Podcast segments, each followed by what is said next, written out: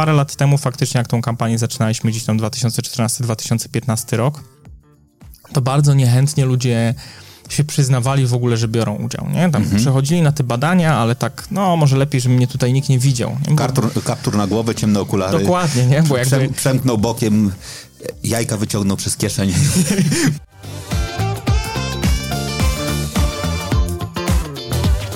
jak przychodzisz do tego centrum handlowego, gdzie, gdzie te badania są, to ci ludzie są zrelaksowani, ale ten bulgot niepokoju i ten efekt jakby czekania na, na, na wynik mm, wzrasta im bliżej jesteś gabinetu.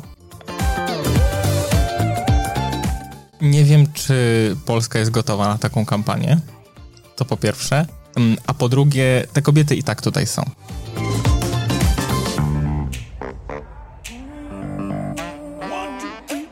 Dziękuję Ci bardzo, że słuchasz mojego podcastu. Bardzo Cię proszę o drobną przysługę oceń moją audycję. To ma wpływ na pozycjonowanie w rankingach. Twój głos ma dla mnie bardzo duże znaczenie. Zapraszam do wysłuchania kolejnego odcinka.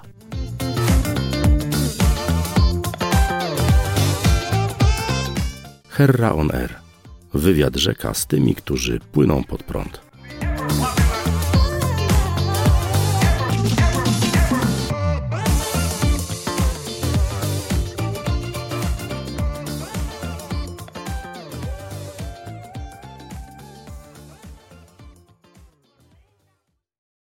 Heraoner. Wywiad rzeka z tymi, którzy płyną pod prąd. Lub rozmowy o życiu na własnych zasadach. No właśnie. Ci chłopaki, którzy... Ja jestem ciekaw, czy oni żyją na własnych zasadach, czy płyną pod prąd, ale na pewno starają się robić coś ważnego. Ważnego dla facetów. A ci, którzy obsłuchają mnie od jakiegoś czasu, wiedzą, że męskość ma wiele twarzy i temat męskości w ogóle jest mi bliski. Waszymi gośćmi dzisiaj są Jakub Hajdaniuk? I Michał Bańka. Kim wy jesteście? M- Michał, kim ty jesteś? Od początku Tak, mężczyzną. Okej, to ważne. By- Co jeszcze? No, potem wykształceniem był działał, pedagogiem, ojcem, mężem, e, youtuberem. YouTuberem to na końcu sobie wyciągnę. Ty jesteś pedagogiem? Z wykształcenia, tak. Ale robisz coś w zawodzie? Już nie. Osiem lat pracowałem w gimnazjum. Pomagałem gimnazjalistom w sprawach e, miłosnych, edukacyjnych, rodzinnych i tak samo ich rodzicom.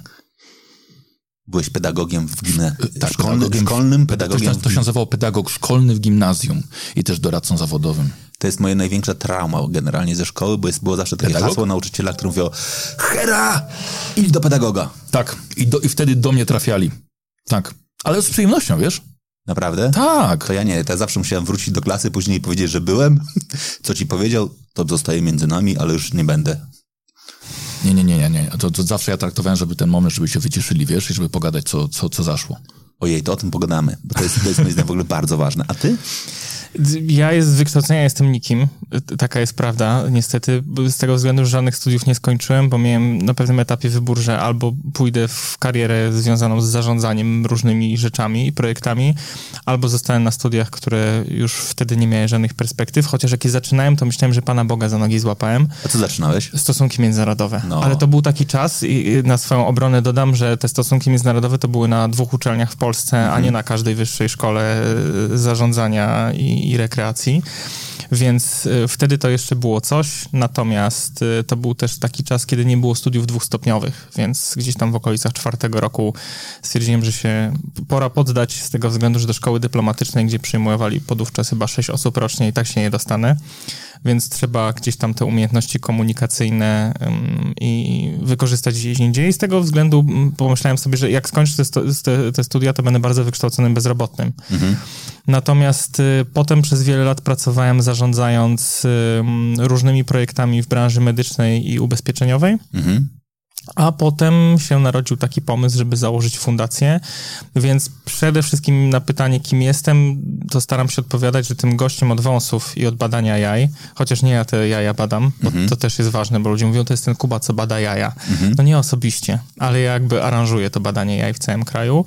Em, no a poza tym staram się być takim gościem, z którym dobrze jest wypić kawę i szczerze sobie porozmawiać. No, tak, tak mi się wydaje, że taką misją życiową jest być też w porządku człowiekiem wobec wszystkich wokół mnie.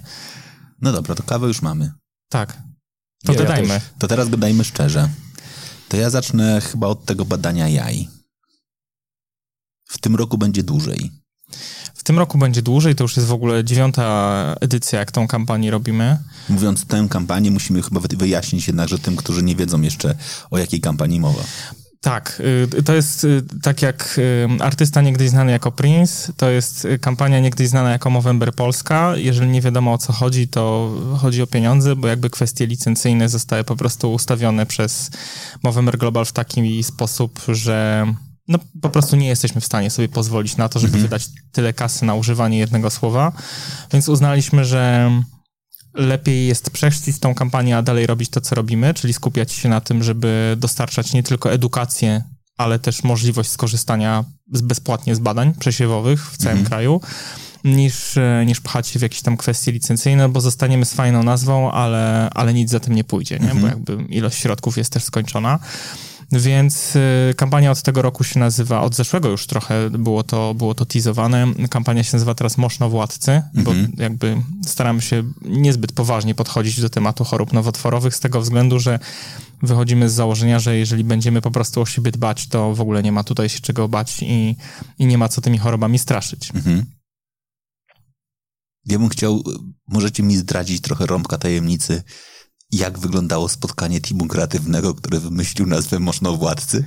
Wiesz co, nie było w ogóle żadnego spotkania teamu kreatywnego z tego względu, że e, ja tą nazwę kiedyś wymyśliłem już jakiś czas temu e, na potrzeby spotkania z telewizją, która już w tym kraju nie działa. Nie mhm. pamiętam, jak oni się nazywali. Był taki moment, kiedy mieliśmy jakąś amerykańską telewizję w Polsce, która między innymi robiła reklamy ASAP-u z mhm. Adamczykiem. Nie? Mhm. Nie, nie, nie, pamiętasz, kto to robił? Nie. E, oni się potem wycofali w, z, z, Polski dość szybko, bo to im się finansowo nie spinało, ale był taki pomysł, żebyśmy weszli we współpracę i właśnie nagrali kilka takich krótkich skeczy na zamku w Mosznie, związanych z różnymi aspektami męskiego zdrowia, właśnie gdzie do, do Moszno władcy przychodzą rozmaici goście, żeby tam ich pytać o, o różne rzeczy. No i ta nazwa Moszno władcy gdzieś tam po prostu trafiła do szafy i tam sobie leżała. No Zamek i... w Mosznie brzmi jak rozporek.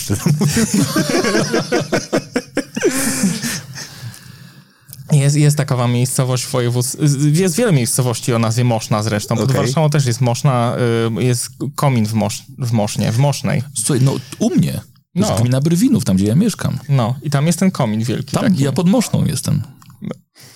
Mhm. nie w tej chwili, nie.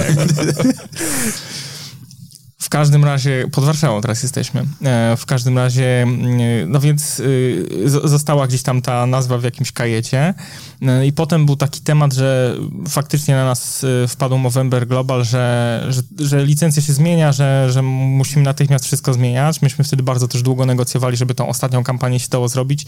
Tym bardziej, że oni nas spadli we wrześniu 2021 mhm. roku z tą smutną informacją. Tam się zmieniła kupa ludzi i jakby nikt, z którym współpracujemy, współpracowaliśmy wcześniej już tam nie pracuje. No i mieliśmy, y, mieliśmy tak naprawdę miesiąc na zmianę tego wszystkiego, więc powiedziałem, że ok, jakby możecie sobie nakładać kary jakiekolwiek chcecie e, za, za naruszenie tej licencji, bo my nadal kwit mamy, więc pewnie będziemy tego i tak bronić. Natomiast mhm. no nie ma szans, żebyśmy w półtora miesiąca przedrukowali wszystkie materiały i zmienili wszystko mhm. tak, jak leci. Więc mieliśmy czas po prostu, żeby do końca 2021 roku tą nazwę zmienić, przedstawić ją odbiorcom, no i poinformować, że, że jakby licencja na nazwę Movember się dla Polski skończyła. No i bardzo długo chodziliśmy wokół tej nazwy, tam było mnóstwo rozmaitych pomysłów, no ale jakby jedyny, który się ostał na tej tablicy, to, to właśnie byli Moszno Władcy. Mhm. A, I, jakby... to jest ciekawe. Jak firmy, bo, bo znaczy, tak. do, do, robienia tej kampanii potrzebujecie partnera biznesowego. No mhm. niestety, jakby sytuacja fundacyjna jest zawsze taka sama. Tak. Musisz mieć partnera. Jak reaguje zarząd, nie wiem, z firmy ubezpieczeniowej, do której przychodzisz, mówisz, hej, chciałbym, żebyście wsparli taką kampanię Można Władcy. Wiesz co, to zależy, na kogo trafimy, natomiast y, jest... Mm, ta optyka się trochę zmieniła mhm. przez, przez ostatnie parę lat, bo faktycznie było tak, że jak w 2015 roku zaczęliśmy współpracę z naszym największym dotychczasowym partnerem, czyli z National Nederlanden, to y, jakby ciężko było niektóre rzeczy im przetłumaczyć, że mhm. będą się działy w kampanii, że, że bo jakby oni byli chętni, jeżeli chodzi o, o te badania, tak samo jak no, dużo, dużo innych firm, że jakby w sumie idea jest szczytna i to jest faktycznie taka kampania, która jest niszą, nie? bo jakby dla mężczyzn raczej nie ma badań mhm. przesiewowych i, i nikt tego nie robi, więc jesteśmy tutaj absolutnie unikalni. I fajnie byłoby się w to zaangażować, no bo przecież jest mnóstwo kampanii dla kobiet, które się kanibalizują tak naprawdę mhm. nawzajem, jeżeli chodzi o zasięgi bardzo często. Mm, więc y, na, na tych mężczyznach można byłoby coś e, ugrać, no już patrząc tak stricte z CSR-owego czy marketingowego punktu widzenia. I wtedy było trochę trudniej. A potem się zaczęły, wiesz, gdzieś współpracy z jakimiś... E, duże brandy zaczęły współpracować, nie wiem, z Make Life Harder, z chujową -hmm. panią domu. -hmm. I nagle to, ta, ta optyka wchodzenia na taki trochę luźniejszy tryb -hmm. i, i, rozmawiania, jakby korzystania z tych dużych zasięgów, takich bardzo niepoważnych fanpage'y czy, czy twórców, nagle zaczęła się trochę zmieniać. I my faktycznie przedstawiliśmy jakby tam jakąś listę propozycji i, i listę argumentów, które za tym stoją, natomiast Generalnie chodzi nam o to, żeby ta nazwa była unikatowa, nie? Jeżeli mhm. nazwiesz tą kampanię w sposób e, taki, że, że to będzie nawiązywać gdzieś tam do tej mowemberowej idei, oryginalnej, czyli coś związanego z wąsami, e, etc., no to prawda jest taka, że dużo jakichś takich małych, lokalnych kampanii już się gdzieś tam pojawiało przez mm -hmm. lata, mm -hmm. żeby część z nich nas wspiera, część z nich po prostu informuje o, o naszych badaniach. Mm, ale jakby żadna z nich nie ma jakiejś unikalnej nazwy. A słowo władcy jest absolutnie unikalne, więc jakby próżno go gdziekolwiek szukać wykorzystanego gdzie indziej i to, takie słowotwórstwo było nam potrzebne i ten główny argument, że jakby nic innego się tak nie nazywa, łatwiej pozwala to, to, to przetłumaczyć. A często jest po prostu tak, że... A poza już... tym macie gwarancję, że nikt z Globala wam go nie ukradnie, to prawda. bo wyobraź sobie kogokolwiek anglojęzycznego, że wymawia sobą władcy. E, ale współpracujemy z różnymi korporacjami w Polsce, które mają, wiesz, międzynarodowy zespół i więc musi też funkcjonować anglojęzyczna nazwa i jest to Lords of the Balls. Wow. A to jest ładne. Jeżeli ktoś jest fanem no metalu, to pozdrawiam. To jest w ogóle piękne. No dobra, to do ciebie pytanie, kim jest no. mocnowładca? Znaczy, po pierwsze, czy ty się w ogóle czujesz mocnowładcą? Wiesz co, jak najbardziej, wiesz, każdy facet powinien tak się czuć, wiesz, tylko, że to jest, to jest, to jest takie brzemię, które nie każdy chciałby przyjąć, wiesz, myśl tak trochę jakby, jak, jak we Władcy Pierścieni. Tam nie każdy chciał wziąć ten pierścień, wiesz, i nieść go ze sobą. Tam niewielu było na to odważnych. A tu, a tu każdy powinien z nas jednak wziąć to w swoje ręce, wiesz, przynajmniej, tak, tak, przynajmniej raz w miesiącu sprawdzić to i przynajmniej raz w roku właśnie za pomocą tej akcji przyjść, przebadać się i, i co? Albo poczuć ulgę taką. -hmm. bo myślę, że często jest strach taki, kurde, a co jeśli mi coś wykryją? Dopiero wtedy zaczną mi się problemy, jak coś mi znajdą. A to właśnie nie. I to właśnie wtedy zaczyna się rozwiązanie. A, a po takim przebadaniu może być właśnie ulga, albo właśnie początek rozwiązania tego problemu. Mhm. Więc jak najbardziej wszyscy, wszyscy jesteśmy władcami, ale wielu może bać się jeszcze przyjąć ten tytuł. A jestem ambasadorem tej akcji i staram się przekonywać swoich widzów, swoich odbiorców, żeby właśnie wzięli te sprawy w swoje ręce. No. Swoje sakiewki sprawdzili. I akurat ty mnie trochę intrygujesz. Cieszę się. Twój kanał nazywa się Baniak Baniaka. O czym jest? O grach fabularnych, czyli RPG. Mhm. Niektórzy mówią też stołowy, grami wyobraźni, grami narracyjnymi. Nic z komputerami. Mhm. Kto cię najczęściej ogląda? Mężczyźni w wieku 25-35 lat, czyli właśnie doskonały target właśnie do, do, do tej akcji. No. 85-90% to mężczyźni. Dobra. 85-95% to mężczyźni tak. w wieku 25-35 lat. Dobra. I to jest coś, co jest tematem ważnym podkreślenia. Wy zajmujecie się profilaktyką i badaniami przeciwko nowotworowi jądra. Tak. Coś, co brzmi strasznie. Rak jaj. No niedawno już nie, nie, nie, tylko tym, nie? Bo jeszcze kwestia zdrowia psychicznego też. Tak, ale, ale czekaj, chcę się na tym zatrzymać. Jak masz 25-35 lat twoja grupa docelowa, to ostatnią rzeczą, o której myślisz, to że twoje krocze jest zagrożone. zagrożone jakąkolwiek chorobą nowotworową. Tam może być, jeżeli masz chociaż minimum wyobraźni, to wyobraź sobie, że być może choroba weneryczna. To cię może dopaść. Mhm. Być może kumple cię kopnie w jaja i wtedy masz suspensor, to cię trochę chroni. Ale nie myślisz o tym, że w tak młodym wieku może ci się przytrafić rak. Chyba, że jesteś Hiszpanem. W Hiszpanii jest bardzo duży nacisk położony na edukację, na naukę samobadania w liceach mm, i tam chłopaki są uczeni i są uczeni tego, że mają chodzić do urologa, tak jak dziewczyny chodzą do ginekologa raz w roku, tak e, każdy młody Hiszpan jest uczony, że on też ma się wybrać do, do urologa i się raz w roku przebadać, odkąd ma tam skończone te 15 lat, nie? No bo jakby nowotwór jądra się zaczyna, ta grupa ryzyka tak naprawdę w okolicach 14 roku życia, kończy gdzieś tam 35-40 lat mniej więcej, nie? Ja celowo o to pytam. Znaczy, bo wiesz, jak jest myślenie o chorobach nowotworowych? No, że to stare dziady. Że to stare dziady. Znaczy, no. ten, ten mit lekarski, który mówi, każdy w swoim życiu będzie miał raka, niektórzy do niego nie dożyją, mhm. jednoznacznie jakby kieruje w takim kierunku, że nie myślisz o zagrożeniu nowotworem w wieku 15 lat, a jednocześnie wy mówicie o chorobie, której największa, tak, jakby grupa ryzyka jest między 14 a 35. No wiesz co, często ludzie myślą też o, jeżeli chodzi o nowotwór u młodych ludzi, to myślą o jakichś takich super rzadkich przypadkach, gdzie są jakieś monumentalne mhm. zbiórki prowadzone, te, te biedne mhm. dzieci z, z, setkami rurek wystającymi z mhm. ciała i to wszyscy sobie myślą, Boże, taka rzadka choroba i to się, to się mhm. przydarzyło akurat temu dzieciakowi, nie? Albo białaczka, no białaczka też jest przecież typem nowotworu. E, I, I, to jest faktycznie jedyna, e, jedyny, jedyne spojrzenie na to, jeżeli chodzi o chorobę nowotworową. Natomiast szczęśliwie i też jakby chciałbym wierzyć, że mm, tutaj dużo zasług można przypisać naszym działaniom, to się zmienia, bo jak parę lat temu jeszcze prowadziliśmy akcję na Uniwersytecie Ekonomicznym w Katowicach, gdzie zrobiliśmy badania na kampusie, mhm. to 90% osób, które przyszły, to nie byli studenci tylko ludzie, którzy gdzieś tam pracowali w okolicach tego kampusu i mieli po prostu czas, żeby przyjść, wbić na kampus i się tam przebadać, bo tam był ustawiony gabinet. A w tej chwili, mm, jak patrzymy też po kolejkach, jak ludzie czekają do tego gabinetu, no to jednak są to przede wszystkim goście młodzi, czyli w tej grupie docelowej, które mhm. są. W tym roku robimy badania na AGH w Krakowie, mhm. też z inicjatywy właśnie tam e, między innymi e, prodziekanów do, do spraw studenckich, bo studenci z AGH tam kilkukrotnie z nami współpracowali, gdzieś tam rozpropagowali tą akcję na uczelni. W związku z tym uczelnia stwierdziła, dobra, no to zróbmy badania po prostu dla, dla naszych studentów. Więc y, myślę też, że, że zaczyna się to zmieniać i zaczyna być coraz większa otwartość, jeżeli chodzi o mówienie na ten temat. No bo parę lat temu faktycznie, jak tą kampanię zaczynaliśmy gdzieś tam 2014-2015 rok, to bardzo niechętnie ludzie się przyznawali w ogóle, że biorą udział, nie? Tam mhm. przechodzili na te badania, ale tak, no może lepiej, żeby mnie tutaj nikt nie widział. Nie? Bo... Kaptur, kaptur na głowę, ciemne okulary. Dokładnie, nie? Bo jakby... Przemknął bokiem, jajka wyciągnął przez kieszeń.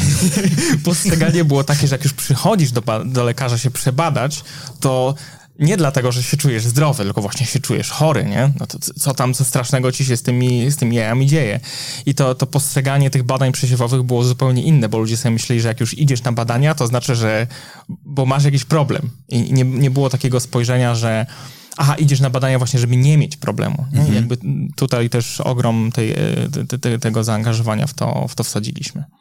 Okej, okay, to jest w ogóle bardzo ważny taki punkt, który ja bym chciał wyciągnąć idąc na badania, idziesz po to, żeby dowiedzieć się, że jest ok.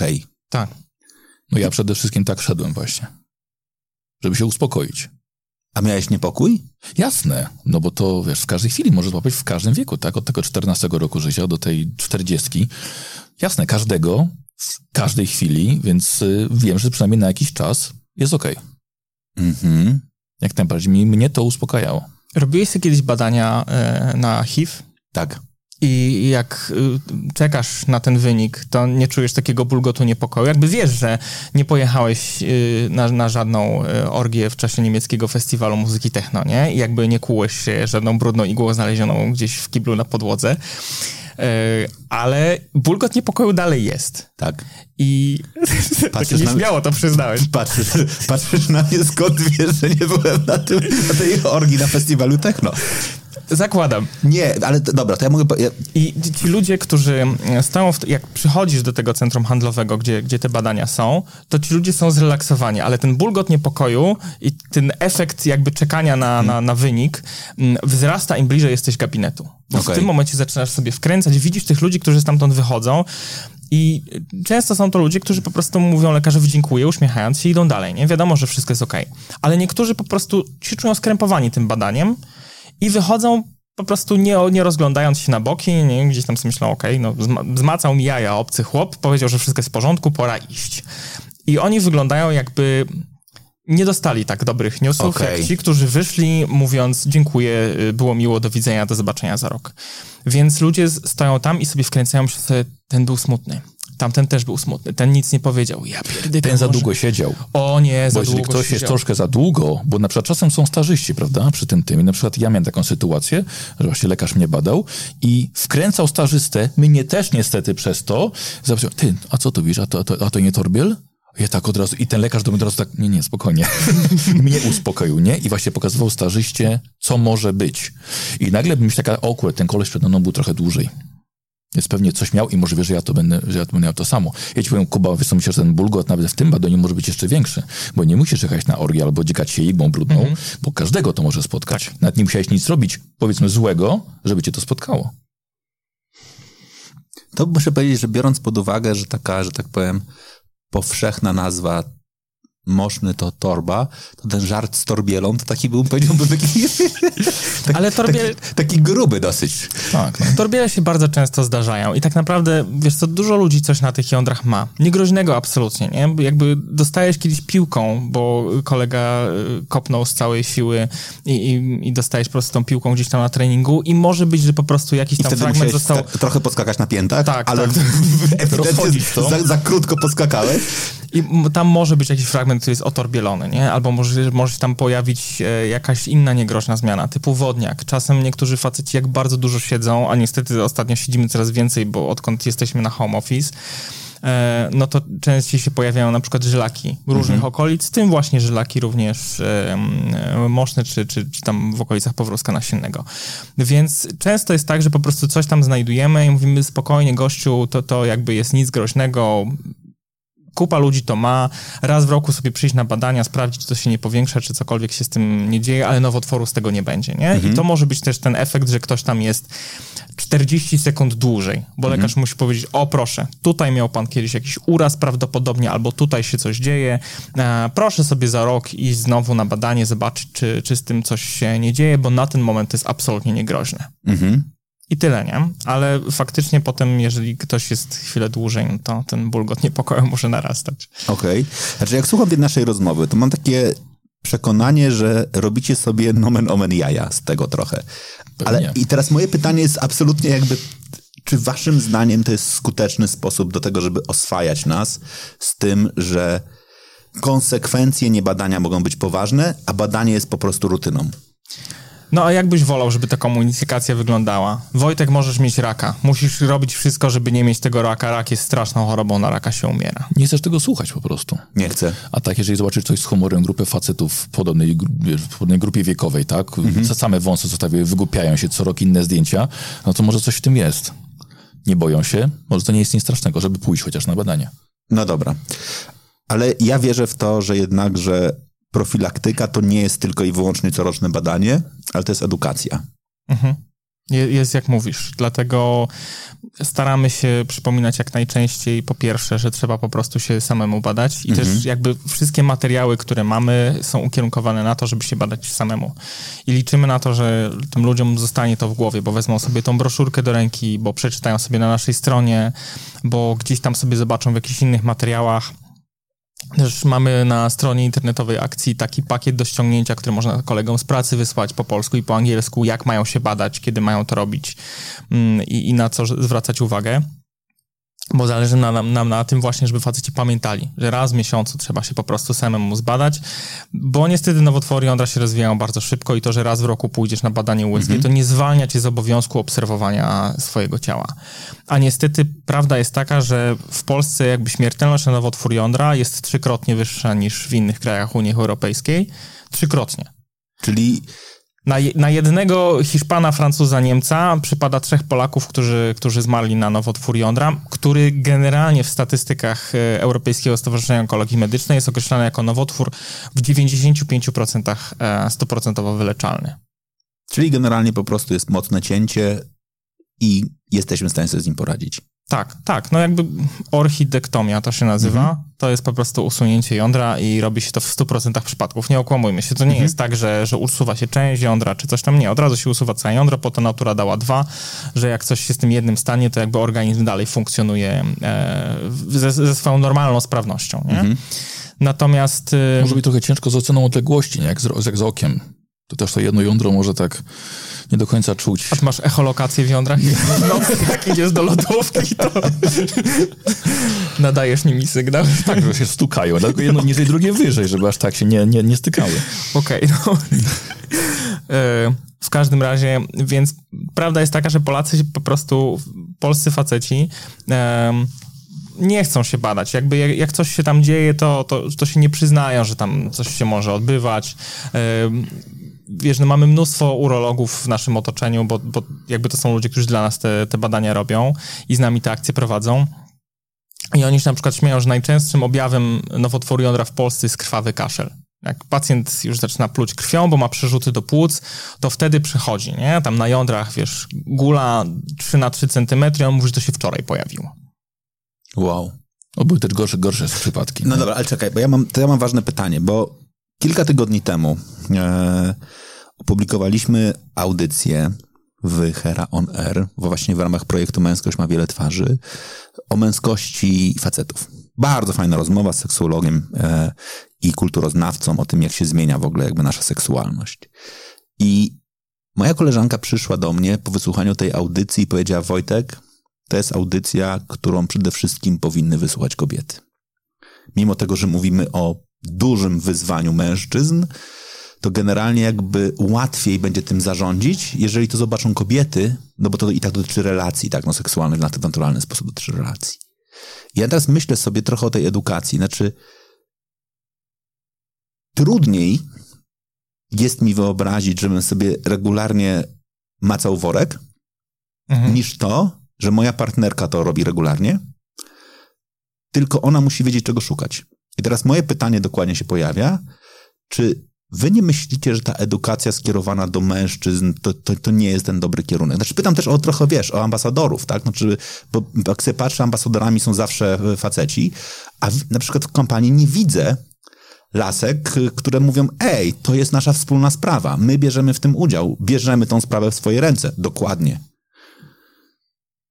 Nie wiem, czy Polska jest gotowa na taką kampanię. To po pierwsze. Mm, A po drugie, te kobiety i tak tutaj są. W sensie prawda jest taka, że, one, że one z nami ale są. po- nie? Powiedziałeś o większości jakby kampanii dotyczących różowej wstążki, raka Tak, piersi i tak dalej. Tam komunikujemy wprost. Twój facet jest odpowiedzialny Mhm. za macanie twoich cycków i regularnie on ma być też tym, który da ci sygnał, że jest jakaś zmiana. Jest mnóstwo akcji edukacyjnych dla facetów, Jest. w jaki sposób ustawić się za partnerką, jak ją, jak ją delikatnie mówiąc zbadać lub sprawić trochę dodatkowej przyjemności w ramach tego badania. A wiesz, kurczę, weź jaja w swoje ręce, no to jest ten element, który moim zdaniem bardzo mocno się pojawia, bo to one są mocnowładczyniami. Znaczy ja się lepiej czuję, jak moja partnerka bierze, bierze moje jaja w rękę, niż jak ja je biorę sam. Przepraszam bardzo, że mówię tak wprost, no ale... Bardzo proszę. A nie zwać Kuba tak, że większość jednak y, to kobiety bardziej wykrywają, prawda? Zmiany Tak. y, u mężczyzn niż sami faceci. Tak jak właśnie jest Wojtku, tak, jak, tak jak mówisz. Częściej faktycznie one myślę, że biorą to, biorą to w swoje ręce i są przyzwyczajone do... Y, łatwiej jest im wykryć jakąś zmianę. Tak? Mhm. Jeżeli facet faktycznie robi to raz na miesiąc, może nie pamiętać po miesiącu, jak, jak to było, e, a, a kobiety może robią to rzeczywiście częściej.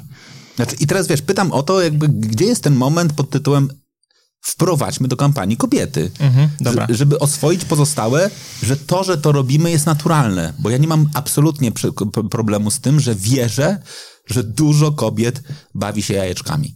Przynajmniej mam taką nadzieję. Też mamy taką nadzieję. Ale nie mam przekonania, że one b- bawią się z intencją pomacam i zobaczę, czy wszystko jest w porządku. Wiesz co, y, dużo bardzo mamy odbiorców, jeżeli chodzi o kobiety. I to jest w okolicach 40-45%, jeżeli chodzi o osoby, które na przykład stykają się z tymi treściami w social mediach, nie? Czyli jakby tych, te, te kobiety w tej kampanii są, ich jest tutaj, e, ich jest tutaj dużo. Jeżeli robimy webinary na przykład w firmach, czy w instytucjach, czy w szkołach, to tam też zawsze są obecne kobiety, nie? Czasem ludzie pytają, na przykład HR-y gdzieś tam zamawiają sobie taki webinar, żeby nasza fundacja gdzieś tam coś po, poopowiadała, pytają, czy mogą być kobiety. Mówimy, że chcemy, żeby były kobiety, pewnie, że, że to nawet lepiej, żeby były, Mhm. bo one zabiorą tą wiedzę gdzieś tam do domu e, i będzie jakby to podawane gdzieś tam dalej, bo facetowi często to wpada jednym uchem, wypada drugim, albo on się nie przyzna jakby w domu, że był dzi- dzisiaj godzinę w robocie spędził na webinarze dotyczącym męskiego zdrowia, nie? W tym właśnie duża część była poświęcona macaniu sobie, macaniu sobie jajek. Ym, My myślimy o tym od pewnego czasu, odkąd widzieliśmy taki klip, który przygotował em, amerykański oddział Movember. Parę dobrych lat temu, to był 15 albo 16 rok. I była taka kampania, którą wspólnie z Pornhubem zrobili i w, w tym wszystkim był klip, w którym aktorka em, w stroju kąpielowym i ob, obmacuje, w sensie do- dotyka się dłońmi najpierw po barkach, potem po piersiach, potem po brzuchu, zjeżdża coraz niżej tymi dłońmi, po czym odchyla lekko ten strój kąpielowy, wyciąga stamtąd worek mosznowy i prezentuje, jak wykonać samo badanie. Że jakby to była jakaś znana aktorka porno, w związku z tym, e, czy mówi teraz aktorka, czy performer, per- performerka? Influencerka Influencerka pornograficzna. Naturalistyczna, influencerka naturalistyczna. Zmieńmy oblicze tej branży. No w każdym razie i to był taki materiał, który na bank się dobrze klikał, no bo miniaturka była taka, a nie inna. Wiadomo było, że jest tam jakaś dziewczyna, którą e, ludzie znają niekoniecznie z twarzy i e, ona jakby pokazywała, w jaki sposób to zrobić. Na ten moment nie znaleźliśmy żadnej polskiej influencerki, która byłaby gotowa jakby Ale z tej taki, samej branży? taki temat przeprowadzić. Nie znam influencerek polskiej z tej branży, mówiąc zupełnie szczerze. A ja myślę, że, a, a ja myślę, że pewien Ale- błąd polega na tym, że chcesz zrobić kontrowersję, a nie zrobić edukacji. E, Ja w ogóle nie chcę robić kontrowersji, wiesz, bo... Znaczy, mówię o, tej, o, te- o myśleniu o, o, Tak. tej, o tej osobie. Znaczy, ja myślę sobie, że absolutnie, jakbym miał ci wskazać osoby, które to powinny, powinny zrobić, to To powinny to być maksymalnie niekontrowersyjne osoby. Asia Koroniecka, Maciek Dowbor. Absolutnie jakby totalnie, żeby, żeby pokazać, że w parze to robimy, tak? Jakby, i, I to jest jakby, to jest ten moment, w którym gdzieś idziesz, tak? Lil Masti, tak? Która przepięknie się pokazuje dokładnie w relacji z partnerem, tak? Który, okej, ma swoją historię akurat taką, ale i tak dalej. Znaczy, mówię o tym, bo ja mam naprawdę takie głębokie przekonanie, że w sprawach medycznych my faceci jesteśmy chujowi. Jesteśmy beznadziejni, to prawda. Znaczy, potrafimy każdą jedną chorobę odwlec w czasie. Jeżeli ktoś jest w stanie nas kopnąć w tyłek i powiedzieć, idź do lekarza, to jest to nasza partnerka. Znaczy, nie chcę też tutaj z- jakby wyłączać jakby też par homoseksualnych, tak jakby, które i zawsze mówić, że to na pewno musi być partnerka, to może być partner, to może być wiele innych rzeczy. Ale mam takie przekonanie, że nie możemy mówić o tym, że moje jądra to jest moja sprawa, tak? Znaczy moje jądra to, są, to jest nasza sprawa. Tak samo jak piersi mojej partnerki to, są, to jest nasza sprawa, tak samo jakby ten element musi być elementem e, wspólnym. I po prostu mam takie wielkie marzenie, żebyśmy mówili, jak to zrobić, nie czy to robić, bo ja naprawdę mam takie przekonanie, że pewnie kobiety robią to częściej niż nam się wydaje. Naprawdę mam taką nadzieję, ale rozmowa o seksualności pokazuje coś zupełnie innego. Ale e, jednakże w, te, w, tym, w tym wymiarze uważam, że to jest taki moment pod tytułem ej, oswójmy, że można to robić. Wiesz, znaczy, bo ja wiem, że po jednej stronie mamy cały nurt prawicowy, który, czy też katolicki, który mówi, ej, od masturbacji rosną e, włosy na rękach I się ślepnie. i się ślepnie. Dlatego wy od zawsze mówicie, że trzeba się golić. No bo przy okazji można zgolić ręce i to jest jak... I okulary nosimy. I, i, nosimy, i, i, nosimy okulary, I nosimy okulary. Ale może, kurczę, warto powiedzieć jednak, że ten, wiesz, że ten element, nie zawsze badanie musi być seksualizowane i to dobrze, żeby nie było, no bo później jak mam pójść do lekarza, który często jest mę- mężczyzną i ja mam je chwycić za te jaja, a ja mam skojarzenie, że to jest jakby rytuał seksualny, to, to pewnie nie, nie będzie najlepszy moment. Ale to nie jest tak, że warto byłoby do wspaniałej, teraz nie, że chcę was wygryźć, bo uważam, że żeby dodać do waszej wspaniałej grupy ambasadorów tej akcji, przynajmniej jakieś dziewczyny, żeby powiedziały, ej, to jest nasza wspólna sprawa. Bo, bo ja rozumiem, że kiedyś tego nie mogliście zrobić, jak to było pod hasłem z wąsem, tak? Znaczy ciężko było znaleźć po prostu kobietę z wąsami, żeby też jakby cały listopad zapuszczała po to, żeby, żeby później to zrobić, tak? Czyli to ograniczało dość mocno tą jakby pulę, pulę potencjalnych osób. Ale czy dzisiaj, jak już mówimy o mosznowładcach i mosznowładczyniach tym samym za chwilę, to to nie jest tak, że można to, można to sfeminizować? Wiesz co, pomysł jest y, jak najbardziej dobry. W przyszłym roku mamy dziesięciolecie kampanii, więc możemy sobie też na pewno mm, pozwolić na jakieś tam ekstrawaganckie bardziej zagrania. Natomiast do tej pory też nie ukrywam, że prowadziliśmy tą kampanię relatywnie ostrożnie. Z tego względu, że kropla drąży skałę to po pierwsze. Po drugie, chcieliśmy uniknąć jakiejś taniej kontrowersji i, i jakiegoś takiego, wiesz, przypięcia tutaj łatki, że coś jest zrobione tylko po to, żeby gdzieś tam się klikało, a jakby nie chodzi o, o, o, tą, o ten aspekt edukacyjny. Ale y, faktem jest, że faktem jest, że kobiety są tutaj ogromnie istotne i to, co Michał powiedział, że kiedyś było takie badanie e, francuskie bodajże. E, ono już parę dobrych lat nie było odświeżane, ale gdzieś tam w 2017 czy 2018 roku e, we Francji właśnie przeprowadzono takie badania, że 80% pacjentów onkologicznych e, z, z chorobami intymnymi, czyli nowotworu, nowotwór jąder i nowotwór prostaty, ci pacjenci trafiali w ogóle na leczenie z uwagi na objawy, które zostały zauważone przez ich partnerki. Że jakby a wypełniali ankietę po prostu, kto zauważył pierwszy objaw i to w, tylko je, jeden na pięciu facetów przyznawał, że to on był pierwszy, a pozostałych czterech, że żona, że, że, że partnerka, że dziewczyna, nie? Mhm. czy tam kochanka.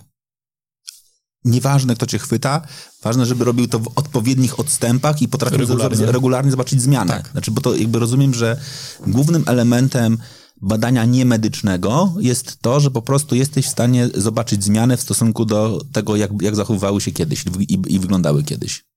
No właśnie, jakie są objawy? Bo tak wła- właściwie sobie dotykam, ale jakby dotykam tematu oczywiście na razie.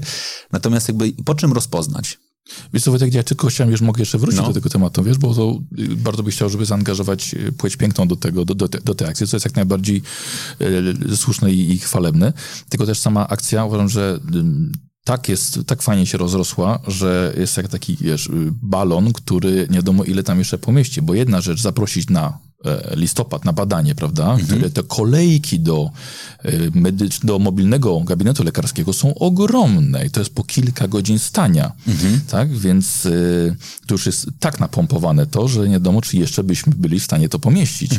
Więc oczywiście też jest kwestia taka, żeby nawet jeżeli nie pójdą na e, możnowładców na akcję badania, żeby też na, na przyszłość zostało, bo może tylko, po, może pójdą sami, tak? Może pójdą sami prywatnie gdzieś, oczywiście, ale tutaj sama akcja już, już i tak ma ogromny sukces. Ja, to ja w ogóle nawet nie myślę, wiesz co, to, to ja w mojej głowie w ogóle nie myślę o listopadzie i o badaniach. Tak? Znaczy jakby ja, ja nie myślę o kategorii kampanii, ja myślę o kategorii rzeczywistej, sam, rzeczywistej profilaktyki długoterminowej, czyli co się dzieje z moją moszną od listopada do listopada przyszłego roku. Tak? Znaczy te 11 miesięcy jakby przerwy, to jest ten moment, kiedy w naturalny sposób jestem skazany na samobadanie lub inne wizyty specjalistyczne jakby ale moim zdaniem, że pójść na inną wizytę specjalistyczną, jednakże musi być jakiś trigger, tak? Znaczy musi być taki, taki wyzwalacz, tak?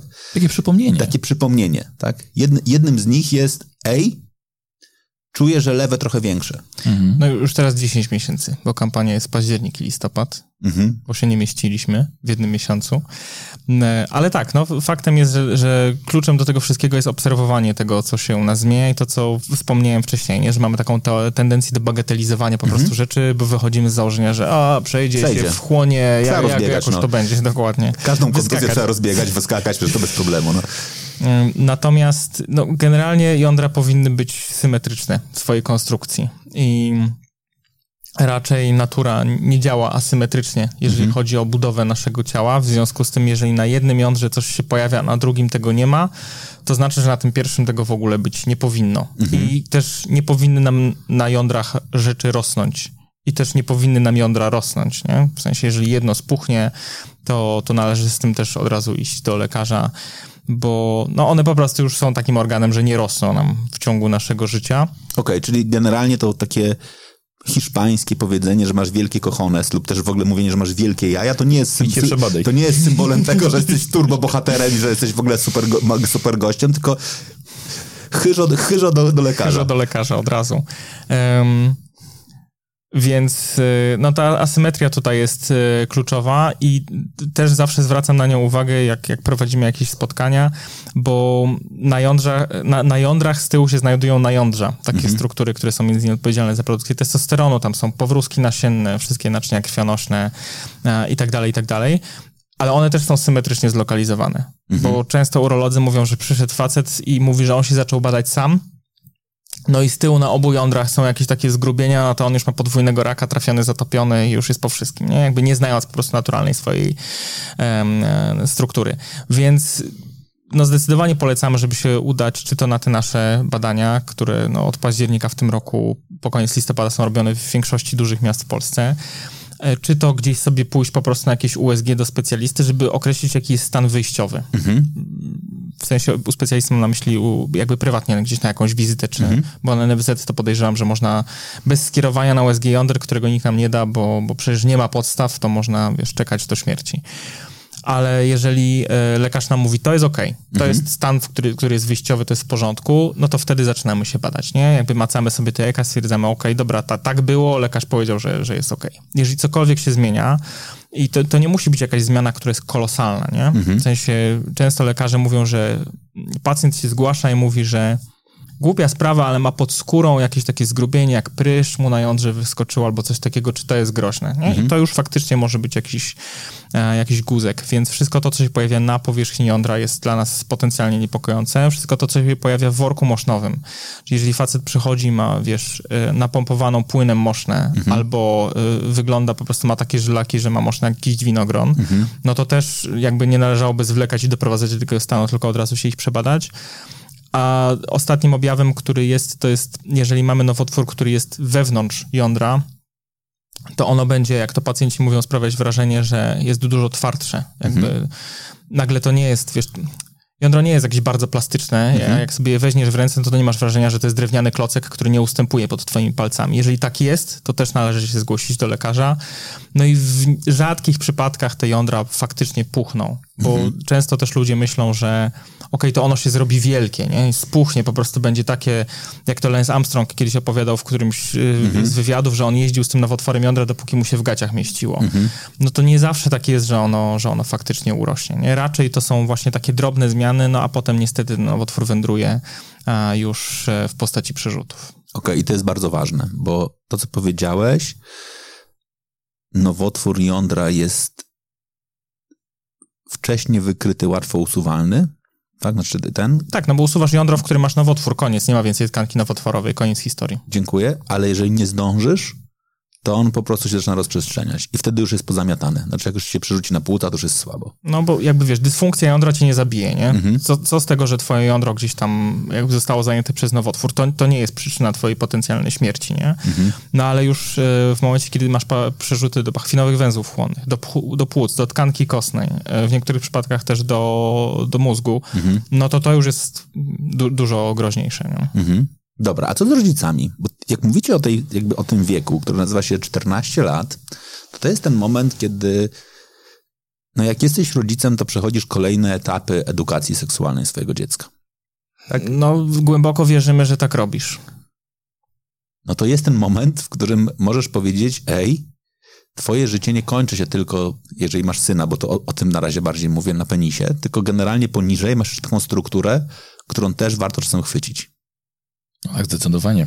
Moja, moja, moją rolą też było w szkole, y, jeszcze czasów studiów właśnie ta edukacja seksualna, którą potem jako, jako praktykant y, przerzucałem właśnie do, y, do liceum głównie, bo to byłem wynajmowany przez szkoły, żeby takie zajęcia z wychowania seksu, seksualnego poprowadzić. Ale też no, nasi tutaj osoby, które nas, które nas odwiedzają, no to już są ojcami. I to często właśnie, czyli jak no, się kończy na wieku 40 lat, już po to już nie ma sensu potem robić tego badania, prawda? Jąder, no to to są osoby, które już mogą nawet mieć dzieciaki w wieku 20 nawet, no dzieciaki, kurde, no już dorosłych ludzi jako, jak, jako swoje dzieci, ale tak często właśnie w wieku właśnie około 15 lat. Jak najbardziej, więc no, edukacja numer jeden, żeby przekazać im w jaki sposób jako ojciec ma porozmawiać ze swoim synem. Nie wiem, jak wy mieliście, ale mój nie za bardzo rozmawiał ze mną na takie tematy. W ogóle o kwestii profilaktyki, tego, co mamy między nogami. Możliwe, że sam po prostu nie wiedział. Takie były czasy, że wtedy kompletnie nic, nic o tym nie mówiono. A liczymy, że to się będzie po prostu przenosiło na, na kolejne pokolenia. Y, Ja ze swoim synem na, na każdym kroku po prostu mówię mu, żeby był świadom swojego ciała, bo wiem, że przyjdą takie momenty, że będę musiał na ten temat też porozmawiać. Mój brat ma prawie 5 lat, jeszcze nie, ale też przecież jest zainteresowany, co tam ma. Prawda? A jeżeli ktoś ma, ktoś ma wieku, dzieciaka w wieku, wieku 15 lat, no to musi też wziąć na siebie odpowiedzialność za, tak jak sam powiedziałeś, mocnowładcy, czy ja też jestem mocnowładcą odpowiedzialny za swoje dziecko. Wiesz co, i paradoksalnie wydaje mi się, że w ogóle, ty- jak teraz tego słucham, to łatwiej mi jest zaakceptować rozmowę o jądrach niż o penisie wkładanym gdzieś. Tak, znaczy, jak mam, jestem rodzicem jakby takim bardzo zahamowanym, to łatwiej mi jest usiąść z tym 15 15-letnim synem i powiedzieć mu o profilaktyce zdrowotnej w obszarze tego, że może zachorować kompletnie bez swojej winy, niż rozpocząć rozmowę o profilaktyce aktywnej. Czyli pamiętaj o tym, że na świecie jest kilka dodatkowych chorób, które są przenoszone drogą pł- płciową, co z definicji oznacza, że muszę w swojej głowie zaakceptować, że mój syn rozpoczyna współżycie. Do, do tej rozmowy mogę naprawdę się oszukiwać i wierzyć, że mój syn nie myśli w ogóle o współżyciu. Znaczy, ty wiesz, to jest paradoksalnie trochę łatwiejsze dla rodzica, tak? Żeby przyjść i powiedzieć sobie, ej, ja wiem, synku, że nie masz, że nie interesuje cię w ogóle seks, ale jądra badaj, bo to jest okej. Wiesz co, Wojtek, bo dla nas, dla, dla rodziców bardzo łatwo jest myśleć o swoim dziecku jako o istocie aseksualnej. Tak samo jak łatwo jest, łatwiej jest nam pomyśleć o, o, o księdzu jako osobie aseksualnej, o lekarzu jako osobie aseksualnej, a wszyscy jesteśmy ludźmi. I bardzo łatwo jest wyrzucić z siebie myślenie i odpowiedzialność za to swoje dziecko, co my jako pedagodzy też staraliśmy się uczyć rodziców, że, że takie tematy lepiej, żeby usłyszeli od swoich rodziców, a nie od y, źródeł niewiarygodnych. Nawiązuje to trochę akurat głównie do, do edukacji zawodowej, ale to się tyczy to samo, tak, tak samo medycznej, profilaktycznej względem swojego dziecka. Ale dalej myślę, że łatwiej mi będzie mojego syna zabrać do urologa i powiedzieć, hej, zaczynamy badanie i wpisujemy je na listę badań kontrolnych i dalej w swojej głowie my, mieć przekonanie, że dobra, może jeszcze nie rozpoczął e, e, swojej inicjacji seksualnej, nie przeszedł tego, tego, tego procesu, jest ok, jak jestem zahamowany, niż w momencie, w którym mam, mam zacząć na czymś innym. Ale rozpoczęcie tego ułatwi mi w przyszłości pozostałe rozmowy. Jest to tak, ale wiesz co, myślę, że byłoby łatwiej, gdybyś, nie mówię gdybyś, ale chodzi o wszystkich mężczyzn, tak, żeby gdybyś sobie uświadomił, że twoje dziecko ma seksualność od momentu, kiedy się urodzi. Bo też z pedagogicznego punktu widzenia e, seksualność dziecka zaczyna się od fazy oralnej, kiedy wsadza sobie do ust pierś swojej matki, zabawki, grzechotki. Potem pojawia się też e, faza e, genitalna, w którą wchodzi właśnie moje dziecko, ok- około pięciu lat. Dziewczynki siadają na oparciach foteli się po prostu pocierają. Chłopcy się pocierają, dotykają, co często dostają bardzo duży błąd od, od matek na przykład, wiesz, albo od ojców po, łapach, tak? Nie, dotyk, nie dotykaj się. E, A potem przychodzą do kolejnych faz. To są, to są naturalne fazy naszego rozwoju, w którym momencie jest ten wiek 15 lat i y, należy wziąć swoje dziecko. I chciałbym tutaj nawią- nawiązać do tego, że nie tylko usiąść, opowiedzieć mu o tym, tylko słuchaj, Franek, idziemy teraz Idziemy to- razem. dokładnie tak. Ja mam wiek, ja mam 40 lat, ty masz 15 lat i idziemy razem się przebadać. Jest to naturalne. I tak samo będziesz się badał potem pod kątem prostaty, albo na przykład ja mogę iść, tak? Mogę iść przebadać prostaty u urologa, a ty, tobie sprawdzimy worek. To piękny świat byłby. Byłby piękny. A z drugiej piękny strony... świat mi- męskich rytuałów. Z drugiej strony przypomina mi się taka historia, jak kiedyś jedno stowarzyszenie z Wielkopolski nas poprosiło o wsparcie, jeżeli chodzi o ich program, który robili dla szkół wtedy jeszcze gimnazjalnych i licealnych. Dostarczyliśmy mnóstwo materiałów e, wydrukowanych, jeżeli chodzi o właśnie o profilaktykę, bo oni prowadzili zajęcia, em, nie pamiętam ten, ten przedmiot co chwila zmienia nazwę, ale jakieś tam przygotowanie do życia w, w rodzinie, coś takiego, nie? Gdzie oni jako edukatorzy, bo to byli przede wszystkim studenci medycyny i psychologii, wchodzili do szkół, żeby na luzie już bliżej niż ci nauczyciele, prawda, jeżeli chodzi o wiek. I, I mogli tak naprawdę ci dwudziestoparolatkowie uchodzić jeszcze za, za mniej więcej współistniejącą w tym samym świecie grupę, co ci 15-17-latkowie, nie? Żeby im właśnie poopowiadać o chorobach przenoszonych drogą płciową, o HIV przede wszystkim, o tym, dlaczego warto się, dlaczego warto się zabezpieczać, nie tylko pod względem ciąży, ale też właśnie tych wszystkich chorób. I elementem tego wszystkiego była też profilaktyka e, nowotworów intymnych, czyli e, kiedy dziewczyny mają iść do ginekologa, kiedy sobie robić cytologię, m, też kwestie związane ze zdrowiem pierśnia, a dla facetów, w sensie dla chłopców, kwestie związane ze, ze, zdrowiem jąder. Myśmy im dostarczyli mnóstwo materiałów z tym związanych i jakieś dwa tygodnie po rozpoczęciu tej akcji była wielka burza w mediach, e, że, że młodzież, e, w sensie, że studenci nakłaniają młodzież do masturbacji.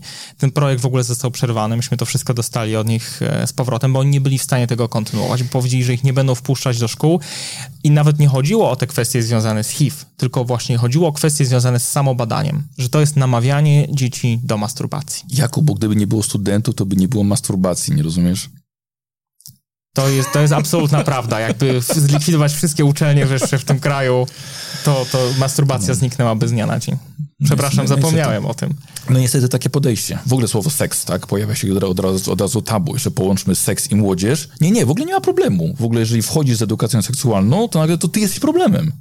I dlatego właśnie to, co mówił Kuba, tak delikatnie tę akcję e, Moszno Władców przeprowadza od tych dziewięciu lat. Ciekawe, czy ktoś się odważy w Polsce zrobić kampanię masturbacja jest ok. Jaki masz budżet? Nie, znaczy pytam... Wiesz znaczy, co, bo jakby zobacz, bo jest- kampanię jest można ciekawe- zrobić, jest tylko kto za nią zapłaci? Ja nie? nie, bardziej się zastanawiam, czy w ogóle my generalnie jakby jesteśmy gotowi się zmierzyć z takim określeniem, bo to trochę o to chodzi, tak? Znaczy, że, e, że, to po prostu jest okej. Kropka. I, No ale i, I to nie jest dewiacja. Zobacz, y, ile dwa tygodnie temu Onet wrzucił taki artykuł, że 21 wytrysków w miesiącu zostało udowodnione, że y, obniża ryzyko zachorowania na nowotwór prostaty. Zero, że tak powiem, nowości.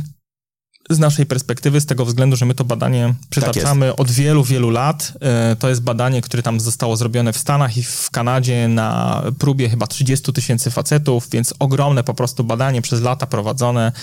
Mm, Ono się gdzieś tam skończyło w okolicach 2010 roku, jeżeli dobrze pamiętam. No i generalnie wniosek był taki, że faceci, którzy mają co najmniej 21 wytrysków w miesiącu, mają niższe ryzyko ch- zachorowania na nowotwór prostaty nawet o 30%. No to jakby wynika tam z wielu czynników, mówiąc w bardzo uproszczony sposób, wentylujemy po prostu tą prostatę, nic z niej nie zalega, ona pracuje jakby regularnie w tym samym cyklu, a jest ok, nie? Więc y, ile lat po prostu potrzebowały polskie media, żeby tą wiadomość przekazać w Polsce z informacją też o tym, że to nie chodzi o to, żeby jak królik po prostu 20 razy w miesiącu ze swoją partnerką, tylko można tą prostatę opróżnić, że tak powiem, w trybie Sam- manualnym. Samodzielnie. Nie?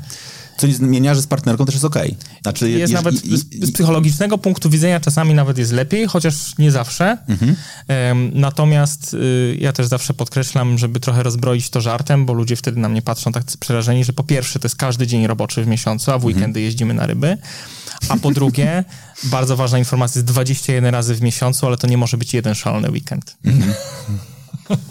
Tak, znaczy powiedziałeś o bardzo ważnej rzeczy, prostata musi pracować, ona musi pracować regularnie, tak, i ta regularność jakby jej wentylowania jest znacznie ważniejsza, to jest trochę jak, z, bym powiedział, z wietrzeniem pokoju. Nie, nie wystarczy, że masz stęchliznę przez 30 dni w miesiącu i ostatniego dnia po prostu otworzysz wszystkie okna na oścież, to, to, to, to dalej nie, nie, nie, nie spowoduje, że jak je zamkniesz, to później nagle będziesz miał super fajnie. Znaczy, starajmy się utrzymywać czystość po prostu regularnie. No. Ale z tą prostatą jest bardzo podobnie jak z jądrami, tylko Czyli jakby... musi przyjść pani i zrobić test białej rękawiczki po prostu. Jest. I tyle. E, Z tą prostatą jest podobnie jak z jądrami w tym kontekście, że mm, też o tym nie bardzo chcemy mówić, a tymczasem akurat nowotwór prostaty jest najczęstszy typ nowotworów wśród facetów w Polsce. O, jakby badania są rzadko robione profilaktycznie z tego względu, że większość facetów to kojarzy z tym, że przyjdzie lekarz i wsadzi palec w tyłek, bo badanie per rectum musi być. I nie okłamujmy się, ono będzie na jakimś tam etapie tych, tych naszych badań. Natomiast... no i też jest kwestia taka, że w ogóle ludzie nie wiedzą jakby czym ta prostata jest, gdzie ona jest, co ona robi i często się słyszy, jak starsze panie rozmawiają, nie? Bo e, pani Kaziu, mój mąż to już ma prostatę. Jak jakby nigdy, Nigdy jej nie nie miał. miał, nie? Ona nagle się pojawiła, nie wiadomo skąd. Em, I po co mu ona w takim wieku nagle? Dokładnie, nie? Teraz sobie umyślił.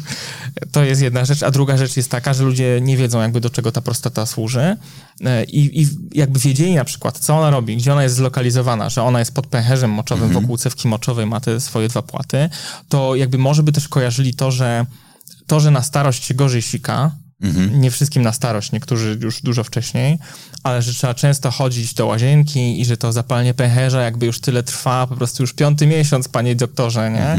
E, I, i, I cały czas po prostu są te pro problemy, to ludzie myślą, to już jest wiek, nie? To już, już ja już jestem w takim wieku, że, że już będę miał, te, że już mi się gorzej ścika, nie? I nic na to nie poradzę, po prostu tak jest. A to nie jest prawda. To, to prawda. jest jakby wszystko kwestia e, związana ze, ze zdrowiem prostaty, tak samo jak m, większość problemów z erekcją też jest związana z jakimiś tam funkcjami, które możemy zaadresować, a nie z rzeczami, które po prostu przychodzą naturalnie i, i koniec. Musimy się na to, na to godzić.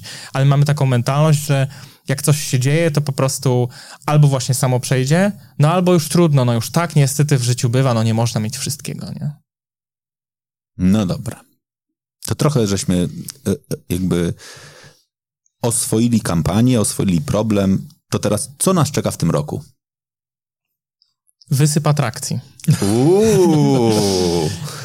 Nie no, tak naprawdę y, najważniejszą rzeczą, w, y, która się zmienia w tym roku, oprócz nazwy, jest fakt, że kampania się zaczyna już 1 października. W związku z tym tych badań będzie więcej. No bo kiedyś było tak, że badania były w piątki i niedzielę, no ale teraz w niedzielę galerie handlowe nie są otwarte, a, a galerie handlowe są naszym naturalnym środowiskiem funkcjonowania z tego względu, że po pierwsze jest tam dużo ludzi, po drugie jest tam dużo przestrzeni, po trzecie jest tam prąd, a po czwarte jest tam ciepło co jakby pod kątem prowadzenia badań przesiewowych e, jest bardzo istotne. Więc y, no, no, musimy działać w sobotę, nie? żeby to miało jakiekolwiek ręce i nogi, żeby ludzie też mieli czas, żeby przyjść.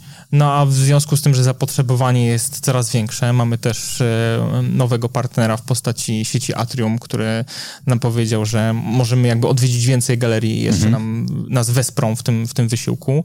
No to zaczynamy 1 października we Wrocławiu, no a potem jedziemy w turnę po, po całej Polsce i tak naprawdę poza długim listopadowym weekendem, y, gdzie jakby i tak, no jest to długi weekend, większość ludzi gdzieś tam wyjeżdża i, i jakby doświadczenie też nasze Ale pokazuje, mówisz że... o długim listopadowym weekendzie, w sensie 1 listopada, Tak, a tak. nie 11. Tak, tak. Bo 12 listopada są, są badania normalnie w Krakowie. No jakby tutaj sobie wybraliśmy ten Kraków z tego względu, że tam zawsze jest ogromna frekwencja, więc pod tym względem się nie boimy, że, że jeżeli zrobimy 12, to, to ludzie nie przyjdą, bo jesteśmy przekonani, że przyjdą. Kraków tutaj zawsze bardzo mocno gra.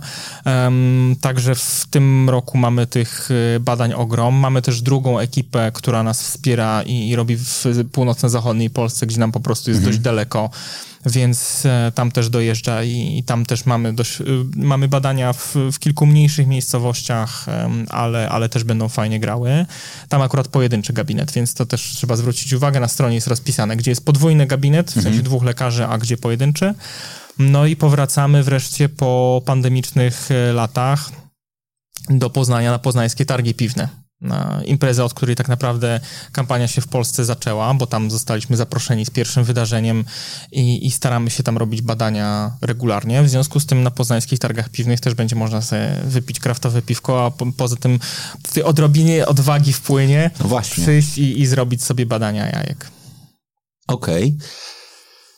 A gdybym chciał, nie wiem, jestem organizacją, firmą. Mhm. Słucham tej audycji i myślę sobie, wow, fajnie, chciałbym się jakoś zaangażować.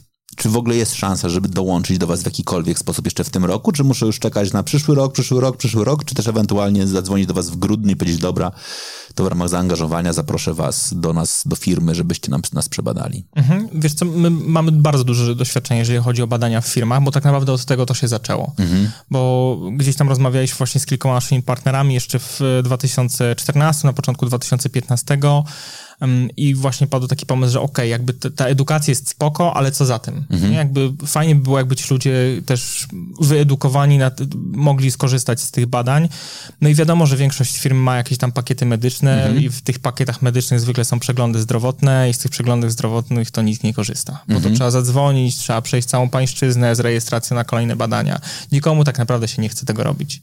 Wiem, bo ja też pracowałem w tej To branży, prawda. więc doskonale wiem, jak to działa. I jak firmy nam mówią, dobra, to wy, nam zrobicie webinar, a my potem zaprosimy pracowników, żeby skorzystali z ramach, w ramach abonamentu, to ich zawsze proszę, żeby mi powiedzieli, ile potem tych pracowników poszło. Bo zwykle idzie dwóch albo trzech, nie? Natomiast y, no, nasze doświadczenie jest takie, że im bardziej skrócimy tą drogę do badania, tym lepiej i zarówno w środowisku biurowym, że tak powiem, jak i gdzieś w zakładach produkcyjnych, gdzie panowie raczej mają mniejsze, że tak powiem, zaangażowanie, jeżeli chodzi o, o korzystanie z opieki zdrowotnej.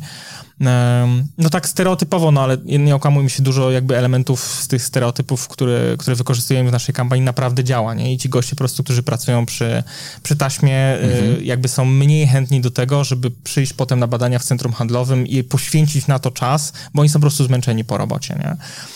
Natomiast w momencie, kiedy jakieś tam pomieszczenie w, w zakładzie produkcyjnym jest wybrane i po prostu przez dzień tam siedzi urolog i przyjdzie tam najpierw majster czy kierownik zmiany, on się przebada, a potem wszystkich chłopców wysyła jednego za drugim, bo on już był, a teraz ty schodzisz na 5 minut i idziesz się przebadać, no to tutaj ta skuteczność jest niesamowita i, i też fajnie ludzie z tego korzystają. Więc do firmy nas można zaprosić praktycznie zawsze, bez mhm. względu na to, jaki to jest miesiąc, to, to bardzo chętnie przyjedziemy i, i, i przebadamy pracowników. E, a jeżeli chodzi o tegoroczne zaangażowanie, ciężko powiedzieć, z terminami już jest, że tak powiem, krucho. Już raczej mhm. planujemy teraz wydarzenia na okolice Międzynarodowego Dnia Walki z Rakiem, czyli mhm. gdzieś tam luty. E, webinary robimy zawsze, tak naprawdę przez cały rok i tutaj mamy bardzo duże możliwości, więc zawsze można gdzieś tam e, się z nami złapać. E, część tych webinarów robię też ja, więc jeżeli ktoś bardzo jest zakochany w moim głosie, teraz się śmieję trochę. Są świetne, bo Kuba robił też dla moich widzów tak. coś, coś rewelacyjnego. Godzina bardzo ciekawych informacji. Więc, więc te webinary zawsze, zawsze też chętnie robimy i opowiadamy i po polsku, i po angielsku, bo wiemy, że jest dużo też jakby międzynarodowych zespołów u nas w Polsce. No a jeżeli chodzi o takie duże zaangażowanie, no już jakby z takiego CSR-owego punktu widzenia czy marketingowego, to tutaj akurat byśmy raczej działali już w kierunku tej dziesiątej edycji, edycji. Na, na 2023. Okej. Okay. Jak dobierasz ambasadorów? Znaczy, z, z, Michał. No właśnie, ciekawe. Nie, ja, nie, czekaj, czekaj, ja chcę posłuchać właśnie. Jak, jak dobierasz ambasadorów? No więc... Um, Jedziemy po kolei, nazwiskami. Kto i dlaczego? Kto i dlaczego? Mi, zacznijmy od Michała. No. Dlaczego Michał trafił? No właśnie. Wiesz co, Michał trafił dlatego, że ma fantastyczną grupę docelową. Tak Aha. jak wspominał na początku, ma tych e, facetów, ma, e, ma młodych mężczyzn przede wszystkim, którzy e, są potencjalnie gdzieś tam zagrożeni tym, tymi nowotworami jądra. I Michał też reprezentuje branżę, która mojemu serduszku jest osobiście bardzo bliska, bo tak naprawdę cała ekipa, która e, administracyjnie pracuje przy tej kampanii, to jestem ja i moi kumple z liceum przede mhm. wszystkim, trochę ze studiów i my się znamy też między innymi dlatego, że gramy w rzeczone gry fabularne, więc Michała to bardzo dobrze znamy i nie pamiętam już, kto rzucił pomysł, ty, a może ten. Przecież on jest znany i lubiany. Mhm. E, myśmy bardzo długo pracowali też ze sportowcami e, i mieliśmy kilka takich mhm. kampanii, które były robione z, z mm, reprezentacją Polski e, w piłce ręcznej, mhm. między innymi i z różnymi drużynami z piłki ręcznej. Robiliśmy z Zaksą Kędzierzyn-Koźle też, jak byli wtedy na topie mhm. i, i, wygrywali europejskie puchary, wtedy, wtedy też z nimi współpracowaliśmy. Natomiast z naszej perspektywy wygląda to bardzo często tak, że sportowcy się angażują na jeden dzień, że mhm. robi im się zdjęcia, nagrywa się z nimi materiał, i oni potem, zwłaszcza jesienią, są tak zawaleni pucharami, wyjazdami, nie wiadomo czym jeszcze, że są po prostu nieosiągalni.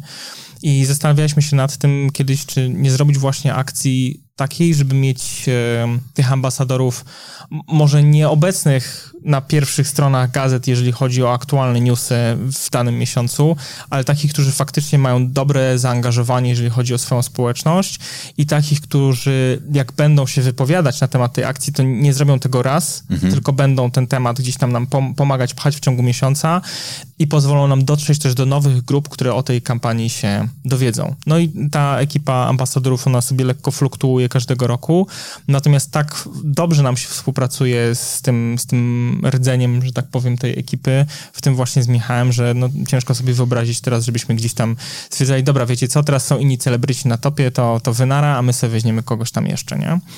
E, a już abstrahując od wszystkiego, no to mm, jakby chyba najlepszym dowodem na zaangażowanie tutaj tej ekipy, którą teraz mamy, jest fakt, że e, z początkiem tego roku dzięki patronom e, Michała i dzięki licytacjom, które, które robił z materiałów, które mm, tam były wykorzystywane w czasie, w czasie jego sesji, się udało zebrać kasę na rozbudowę tego gabinetu. I to, że mamy podwójny gabinet, zawdzięczamy tak naprawdę um, Michałowi i mojej nieustępliwości, jeżeli chodzi o, o sztorcowanie producentów tutaj całego tego sprzętu, że przecież jak się dogadywałem z Michałem, to inną cenę mu podałem, teraz nie możecie mi jej zmieniać, nic mnie nie obchodzi y, wzrastająca cena surowca. Um, no i, i też firmom, które nas wspierają, jeżeli chodzi o sprzęt medyczny, nie? Mhm. No bo jakby, wiesz, ustawienie dwóch ultrasonografów nie jest bardzo prostą, że tak powiem, sprawą, zwłaszcza pod koniec roku, zwłaszcza teraz, jeżeli chodzi o tą dostępność elektroniki. Dobra, teraz dotknąć bardzo ważnej rzeczy. Jak można was wspierać?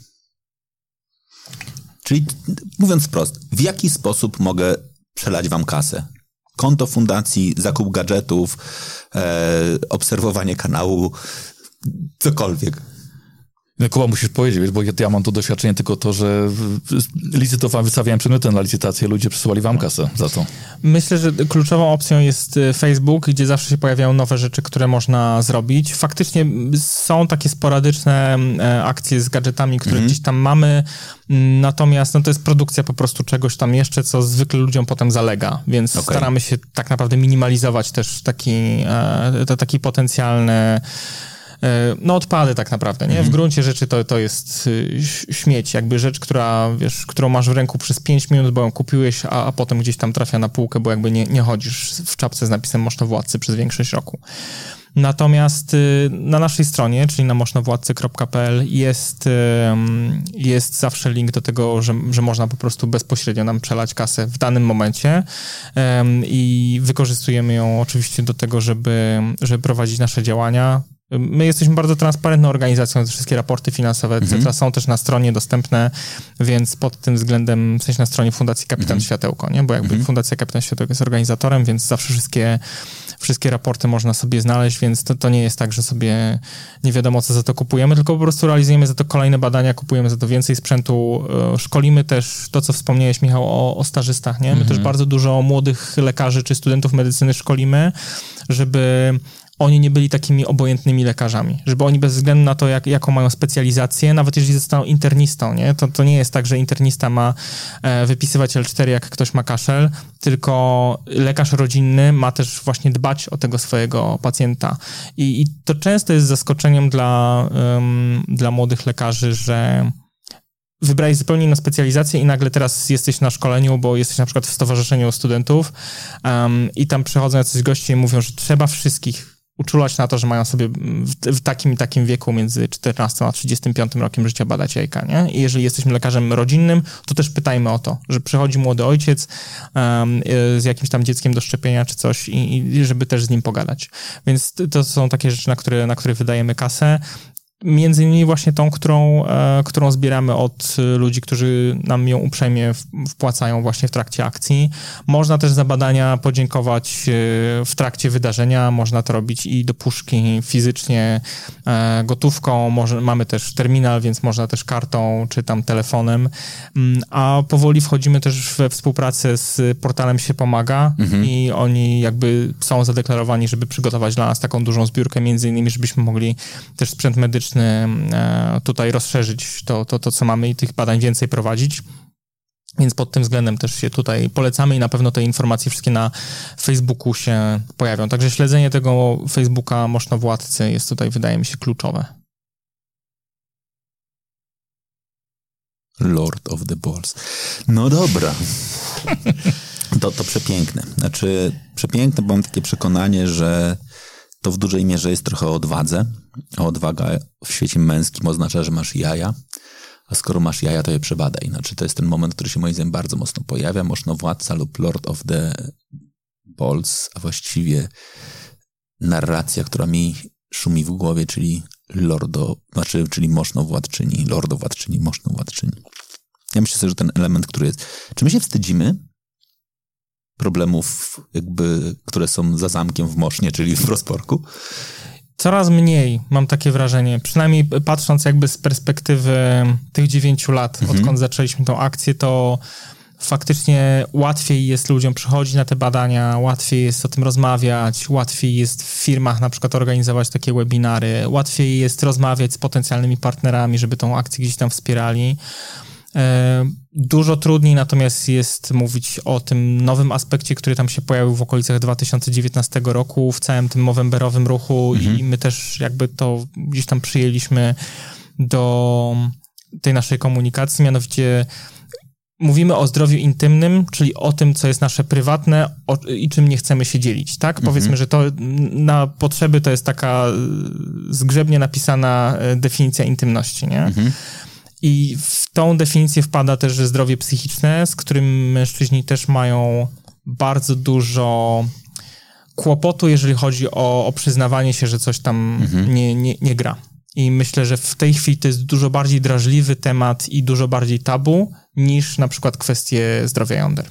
Mhm. Ale masz przekonanie, że. Ja, dobra, znam statystyki jakby dotyczące zdrowia psychicznego mężczyzn, ich gotowości na jakby sięganie po poradę specjalisty, przyznanie się do tego, że chodzisz na terapię, a już w ogóle jak do, psychoterapeuty jest ciężko, już w ogóle jak trafiasz do psychiatry, to już w ogóle jest jakby element, który jesteś skreślony i twoje poczucie, no właśnie, twardości jest bardzo mocno zaburzone. Natomiast mam pytanie takie trochę, czy myślisz, że to się, że, że to się też nie zmienia? Bo ja, ja mówię wprost, że ja mam takie sy sygnały, które gdzieś tam sobie obserwuję. Ja często nawiązuję do tego. Jedna z moich ulubionych grup facebookowych, która e, może pozornie zrzeszać nas wszystkich, czyli tatuaż i broda, czyli miejsce, w którym ludzie charakteryzują się dwoma rzeczami, czyli mają brody i mają tatuaże.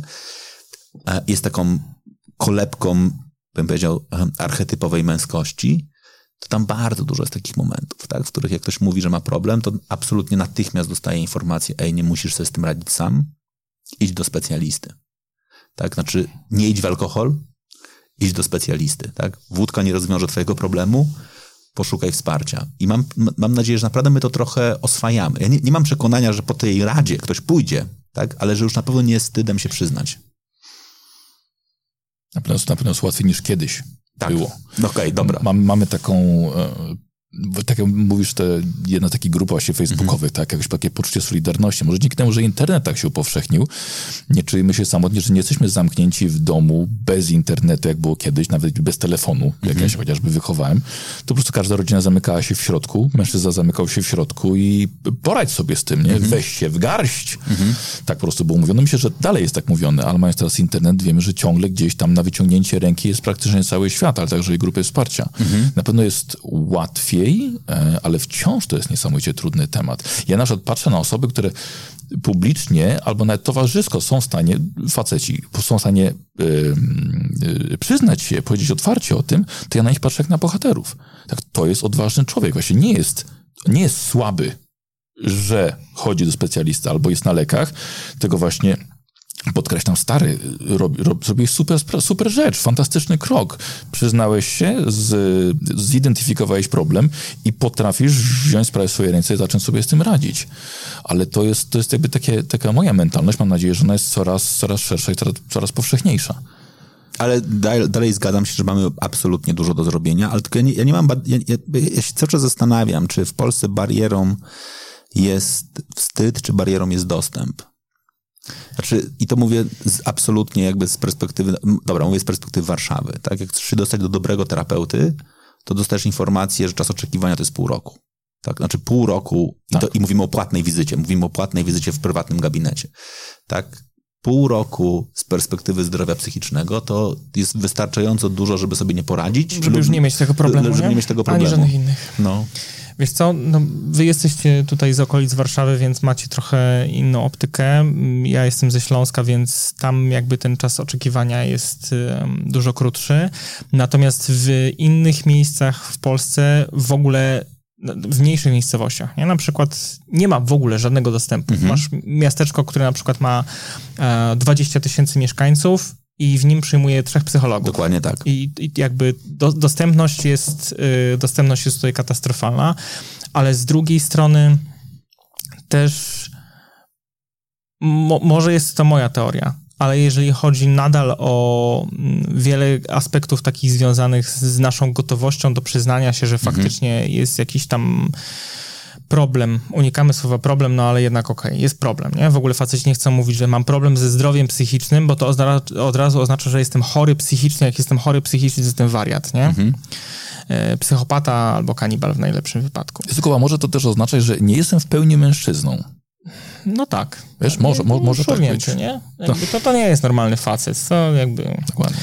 E, Natomiast pytanie, wiesz, py- pytanie, dlaczego w tym, w tym miasteczku jest, jest tych trzech e, terapeutów? Dlatego, że ich po prostu więcej nie ma, czy dlatego, że tam nie ma po prostu zapotrzebowania na to, żeby ich było więcej?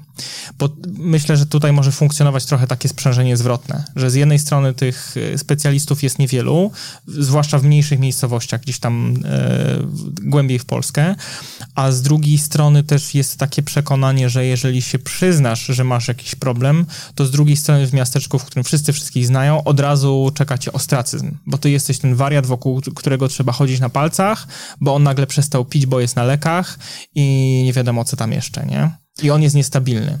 A ja myślę, że jeszcze jeden temat. Jak teraz zacząłeś o tym mówić, to zacząłem się zastanawiać, bo to jest oczywiście problem kasy, że wyobrażenie sobie wartości rozpoczęcia pracy ze specjalistą jest bardzo trudne, tak? Szczególnie, że no niestety psychoterapia jest droga. Znaczy cokolwiek byśmy o niej nie mówili, ona po prostu jest droga nie poprzez to, że wizyta u terapeuty jest droga, tylko tego, że trwa czasami latami. W związku z czym, jak mam zapłacić 150 zł za wizytę u stomatologa, to to jest ok, bo najczęściej to będzie jedna, być może dwie wizyty i pozamiatane ząb bolał, przestać boleć. Jak mam wejść i płacić 150 zł u psychoterapeuty, to wiem, że wchodzę w proces, który może trwać dwa lata. I to już się często nie spina w, bu- w budżecie, tak? I wtedy dokładnie się pojawia ten moment, czy i to jest moim zdaniem, teraz zaczynam o tym myśleć, czy ja jako mężczyzna jestem warty tego, żeby wydać takie pieniądze na siebie? W takim sensie, wiesz, pod tytułem, kurczę, przecież to ja mam się troszczyć o innych, więc moje myślenie o troszczeniu się innych powinno być o tym, że ja nie potrzebuję tej troski.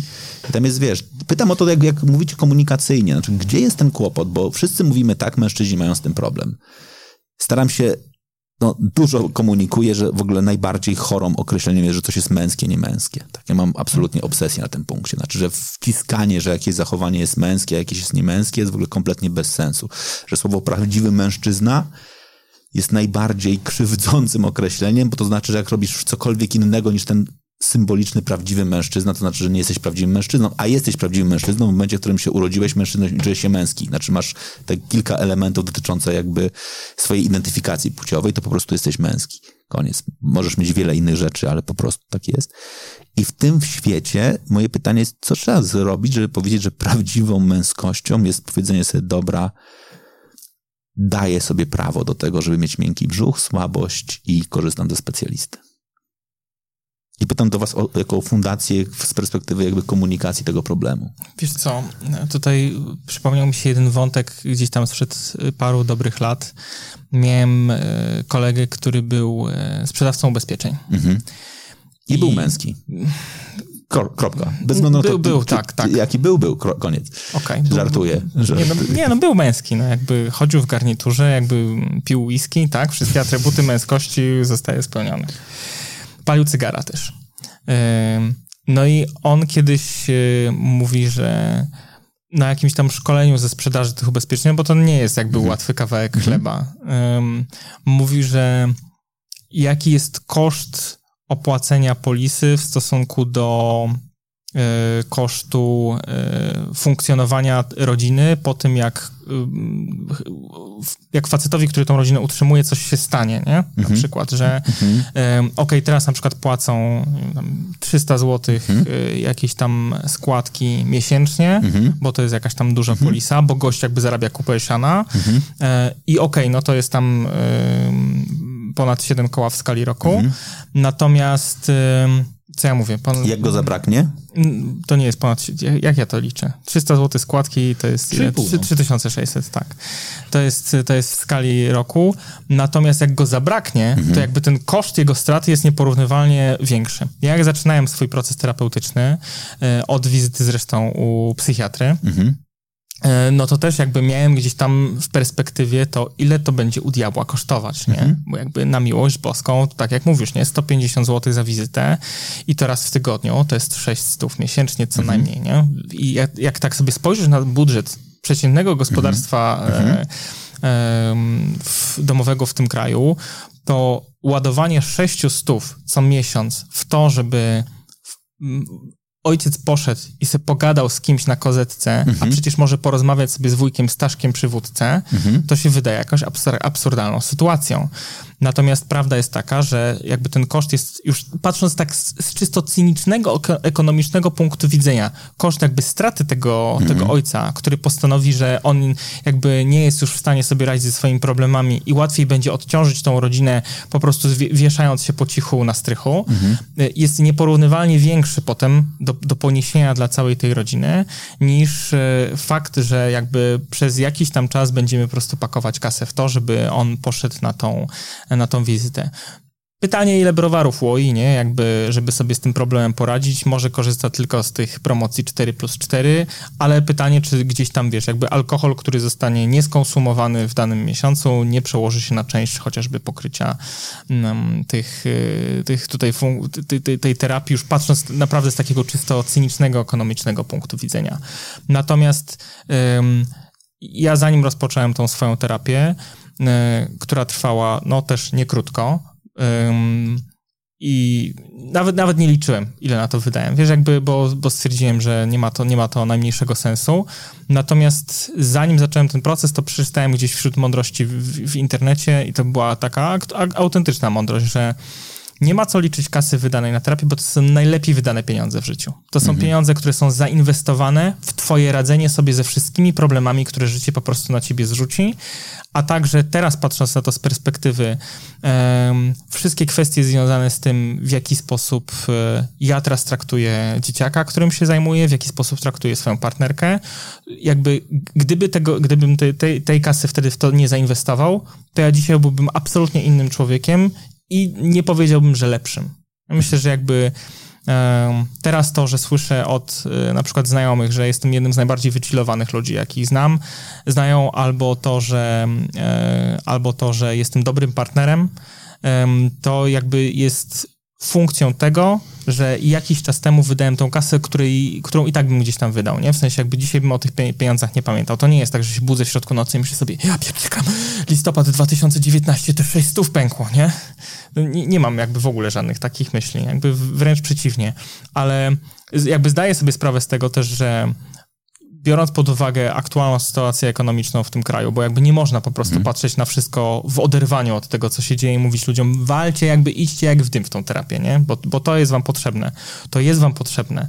Tylko obawiam się, że wiele osób po prostu, wiesz, rozliczając teraz swój budżet przy wszystkich podwyżkach inflacji i tak dalej, i tak dalej, będzie sobie myśleć, musimy z czegoś zrezygnować. Dobrze, to ja zrezygnuję z kosmetyczki, a ty zrezygnuj z e, tych wizyt u terapeuty, bo już przecież jest wszystko w porządku, nie?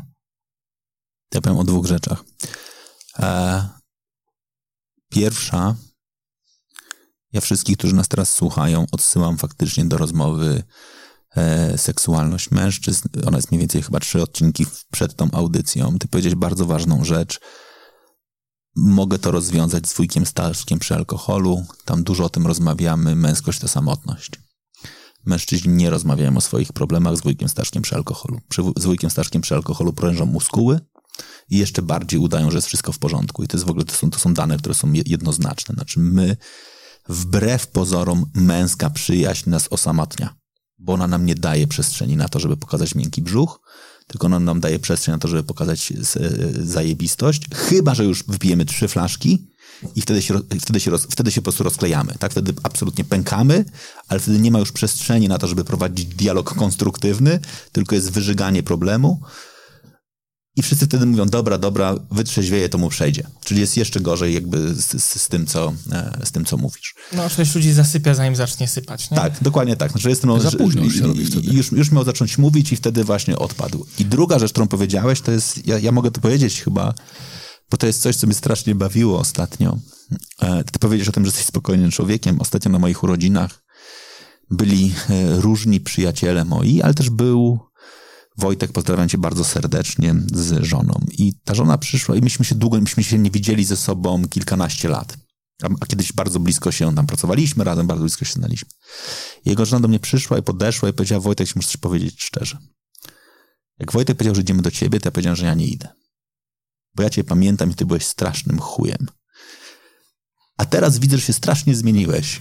Ja sobie wtedy pomyślałem, no dobra, siedem lat terapii w końcu jednak na, na, na coś się przydało. Warto- bo, warto warto było, że po siedmiu latach ktoś ci powiedział, okej, dobra, to już w końcu nie jesteś takim chujem, jak byłeś. I to jest, to, jest, to jest coś, co jest pewnie strasznie fajne w takiej kategorii, że na koniec dnia pewnie ludzie też na zewnątrz widzą, że w sytuacjach napięcia na przykład radzisz sobie trochę zupełnie inaczej niż ten. I poprzedni schemat, co jest najgorsze, pewnie często my o męskości myślimy, że poprzednie schematy, które są bardzo często twarde, one są skuteczne w rozumieniu, że przynoszą rezultaty. Tyle tylko, że też zabijają nas od środka. I to jest ten temat, którego też nie widzimy i chcemy dokładnie zgłuszać, zgłuszać, zgłuszać po to, żeby sobie z tym poradzić. No dobra, ale jakby... Jeśli, jeśli ja mogę tutaj coś, Możesz, coś, ojejku, coś, do, coś dodać do tego, wiesz, bo tak sobie słuchałem, co, co, co, co, mówił, co mówiłeś, Kuba. E, Jako mężczyźni e, bardziej koncentrujemy się na przedmiotach, w przeciwieństwie do kobiet, które koncentrują się na ludziach. I może dlatego to jest na, dla nas trudne chodzenie na, w ogóle samo pójście na terapię jest bardzo trudne, uświadomienie sobie problemu, ale utrzymanie też, ja mam, dziękuję, utrzymanie tej terapii i przeliczenie tego na te kwestie ekonomiczne, właśnie to jest to, na czym, my- na czym my się koncentrujemy i nie widzimy e, skuteczności terapii, bo tego się nie da zmierzyć. Tak jak sam powiedziałeś, 7 lat, o kurczę, to jakby od razu sobie przeliczamy na przykład na kasę, nie? Ale nie widzimy czarnego na białym, nie widzimy, nie mamy namacalnego rezultatu, co yy, i po, po, potrzebujemy tego i właśnie często te terapie są po prostu przerywane może zbyt wcześnie, yy, bo w inny sposób patrzymy na to. I może to jest właśnie sposób na, e, na jakiś sukces, żeby z, usmysłowić sobie, że stary, y, patrzysz na to w niewłaściwy sposób, że to są rzeczy, których nie jesteś w stanie zobaczyć, nie jesteś w stanie tego wyliczyć, wycenić, a rezultaty będą lepsze od y, twoich oczekiwań. Bo jak chodzisz na siłownię i płacisz za karnet na siłownię, nie wiem ile teraz kosztuje A, karnet. poczekaj, czekaj, tylko dokończę, bo, bo to jest to, to, o czym ty wspomniałeś, bo zapomniałem. O z tym zębem. Y, boli, jest problem, zapłaciłem, nie boli. Koniec, sukces, jestem zadowolony. Ale pójdziesz na terapię, o, nie, no, pogadałem, ale nie, nie jest nic to lepiej. mało tego znowu na- poszedłem, znowu nie jest nic lepiej. To na początku jeszcze boli bardziej. Znaczy pierwszego dnia jak idziesz, to, to po pierwsze jesteś rozsypany trzeba najczęściej, bo, bo, bo boli jeszcze bardziej. Więc to jest jeszcze taki temat, który się pewnie tam pojawia. Kuba, przerwałem, przerwałem ci. Kuba. No, że, że jak idziesz na siłownię, to widać te rezultaty, nie? I potem wrzucisz zdjęcie na Instagrama, bo chodzisz przez pół roku na siłownię, no i widać, że jesteś docięty, nie? A jak pójdziesz na terapię, to trzeba cię spotkać i z tobą pogadać, albo mieć z tobą jakąś styczność, żeby faktycznie stwierdzić, o, okej, coś tam się w tym gościu e, zmieniło, nie? No i tak samo jak z tym dentystą, albo jak cho- chodzisz na fizjoterapię, nie? Pójdziesz, fizjoterapia akurat jest dłuższym procesem, em, ale przestaje cię boleć i część ludzi sobie myśli, o, okej, bolałem mnie tak strasznie plecy, już chodzę trzeci miesiąc, przestaje boleć, dobra, odwołuję i już nie umówię się na następną, e, bo już szkoda tej kasy, ale tak naprawdę nie zmieniamy tego nawyku, nie? Dalej siedzimy jak kura na grzędzie przed monitorem przez e, 9 godzin dziennie i potem się okazuje, że y, nagle problem powraca. I często z tą psychoterapią też jest jak, jak to się nazywa, efekt Krugera-Dunninga, tak? Że, że chodzimy na samym początku i nagle stwierdzamy, o Boże, to ja już wszystko wiem, to już wszystkie swoje problemy rozwiązałem. Dobra, to ja już nie chcę z panią czy z panem rozmawiać, terapeuto drogi, bo mm, ja już ogarnąłem. To się nazywa ucieczka w zdrowiu. Jest, jest takie pojęcie dokładnie w psychoterapii, czyli dokładnie ten moment, który pacjent się po raz pierwszy zaczyna czuć lepiej, zaczyna uciekać, kiedy jednym z ważniejszych za- zadań psychoterapeuty jest go utrzymać, bo to jest najczęściej ten moment, w którym możemy przejść dalej. Znaczy, że on jest na tyle stabilny, że możemy zacząć pracować nad długoterminowym budowaniem e, zasobów, może, bo ja nie chcę powiedzieć, zdrowia, bo to nie zawsze jest brak zdrowia. No dobra, ja mam takie głębokie przekonanie, że moglibyśmy tutaj sobie długo rozmawiać i ja bym pewnie bardzo chciał was do tego zobowiązać, żebyście gdzieś tu wrócili i żebyśmy sobie porozmawiali o tym drugim aspekcie, o tym aspekcie związanym z tym, e, co zrobić, żeby zachęcić, wesprzeć mężczyzn do tego, żeby dbali o, się, o sobie, o siebie e, i żeby ten obszar zdrowia psychicznego wy, wysuwał się na równie ważny, ale na razie przede wszystkim porozmawiajmy, rozmawialiśmy o jajach, czyli o mosznowładcach, czyli o tym, co zrobić, żebyśmy jednakże regularnie, bez wstydu, po pierwsze pod prysznicem e, chwytali się za e, jądra i je tam trochę dotykali, stymulowali w, ra- w ramach poszukiwań zmian badawczych, ale żeby oprócz tego z odwagą chodzić do urologa, przynajmniej raz w roku, czyli w tym momencie w październiku, listopadzie na wszystkie akcje organizowane przez mocnowładców, ale nawet jak się nie wyrobimy lub przyjdziemy i będzie kolejka na dwie godziny oczekiwania, a my na przykład będziemy akurat na festiwalu piwnym i będzie nam się równie mocno chciało siku, jak sobie pomyślimy, że tu dwie, tu, tu dwie godziny i później jeszcze 15 minut do toalety, to, to nie wyrobimy. Koledzy podtrzymają kolejkę. To koledzy... na, targach, na targach trzymają kolejkę. Na targach trzymają kolejkę. Nie, no to bo, bo, bo, myślę sobie, że też i to jest paradoksalnie to jest taki mój mały apel. Znaczy myślę sobie, że słucha nas wiele osób, które również z perspektywy finansowej swojej własnej mogą sobie naprawdę pozwolić na to, żeby pójść po prostu do, do urologa i zrobić to badanie i nie trzymajcie wtedy kolejki dla tych, dla których to badanie jest na przykład barierą jest kasa. Koniec. Nie wiem, czy to jest zgodne z wami, ale po prostu jeżeli możecie w tym samym czasie po prostu pójść się przebadać, znajdźcie na, na stronie listę gabinetów, które też wspierają akcje. Może po prostu pójdźcie do tych gabinetów i, i zróbcie to badanie. No. Jest taka opcja. Jasne, nie? Jakby jest, jest dokładnie tak, jak mówisz, że ludzie, którzy jakby nie mają problemu z tym, żeby zostawić 150 zł czy, czy 200 w niektórych e, miastach, żeby iść po prostu na wizytę, nie stać w kolejce, mhm. tylko po prostu dla nich to jest tak, no to, to super, nie? To niech z tego korzystają, właśnie między innymi po to tą wspomnianą przez ciebie listę gabinetów mamy. Natomiast e, zapraszamy no właśnie przede wszystkim ludzi, którzy sobie myślą, że, że to jest kupa kasy, żeby iść na trzyminutowe de facto badanie po to, żeby się dowiedzieć, że wszystko jest w porządku, no to idźcie do tego centrum handlowego, powiedzcie swojej um, żonie, dziewczynie, kochance, dobra, to ty tam sobie idź oglądać buty, torebki i, i zaglądaj tutaj od czasu do czasu, czy ja już przyszedłem, a jak skończę, to sobie siądę tam pod tą, na tej ławeczce, albo po prostu do ciebie zadzwonię. E, no i też do, do wszystkich ludzi, do, dla których tak naprawdę w ogóle nie ma żadnych programów e, przesiewowych i, i profilaktycznych, bo, bo jak, jak jesteś studentem tak naprawdę, no to, to gdzie, gdzie z tych badań skorzystasz? Nie masz ani abonamentu u swojego pracodawcy, który, który ci to ogarnia, ani żadnej innej opcji, a jesteś tak naprawdę w grupie ryzyka. Więc super, przyjdź, dla ciebie są te badania. To ja jeszcze tylko na koniec dodam, że jeżeli jesteś w związku z partnerem, to też możecie przyjść i weźcie po prostu razem swoje wspólne moszny i zanieście je do badań razem ze sobą. Nie ma żadnej mosznowej dyskryminacji, wszystkie moszny są piękne. Piękne. To jest moim zdaniem najlepszy moment zakończenia tej rozmowy. Dziękujemy wam bardzo, że, że wysłuchaliście nas do końca. Zachęcamy, podzielcie się tą rozmową z bliskimi. Jeżeli jesteś kobietą, to mam dużą prośbę. Puść ją partnerowi. Jeżeli jesteś mężczyzną, zachęć innych mężczyzn, albo swojego partnera, albo swoich kolegów do tego, żeby wysłuchali tej rozmowy. Im więcej będziemy mówili o jajkach, bo jajka to wspólna sprawa, o Mosznie i o zamku w Mosznie, czyli rozporku, to mnie bawi za każdym razem. to tym będzie dla nas wszystkich lepiej. Pamiętajmy, rak jąder nie zabija. On po prostu powoduje, że wycinamy, masz jedno jądro mniej. Jeżeli zrobisz to odpowiednio wcześnie, nie ma dramatu. A jeżeli się spóźnisz, to się, to się robią spore komplikacje, a ich chcemy unikać. Dzięki bardzo za rozmowę. Dzięki serdeczne za zaproszenie. Tak, dziękuję okay. bardzo. Na jakiej stronie, bo o, to, o tym nie powiedzieliśmy, można znaleźć informacje? www.mosznowładcy.pl Dla ułatwienia dodamy, że Movember.pl dalej działa i przekierowuje po prostu. Okej, okay, piękne. No to co? Życzę, żeby w tym roku urosła nam ilość mosznowładców, mosznowładczyń i przede wszystkim zdrowych worków, czyli żebyśmy po każdym badaniu wychodzili z uśmiechem na twarzy, mówiąc sobie, hej, dalej jest wszystko w porządku.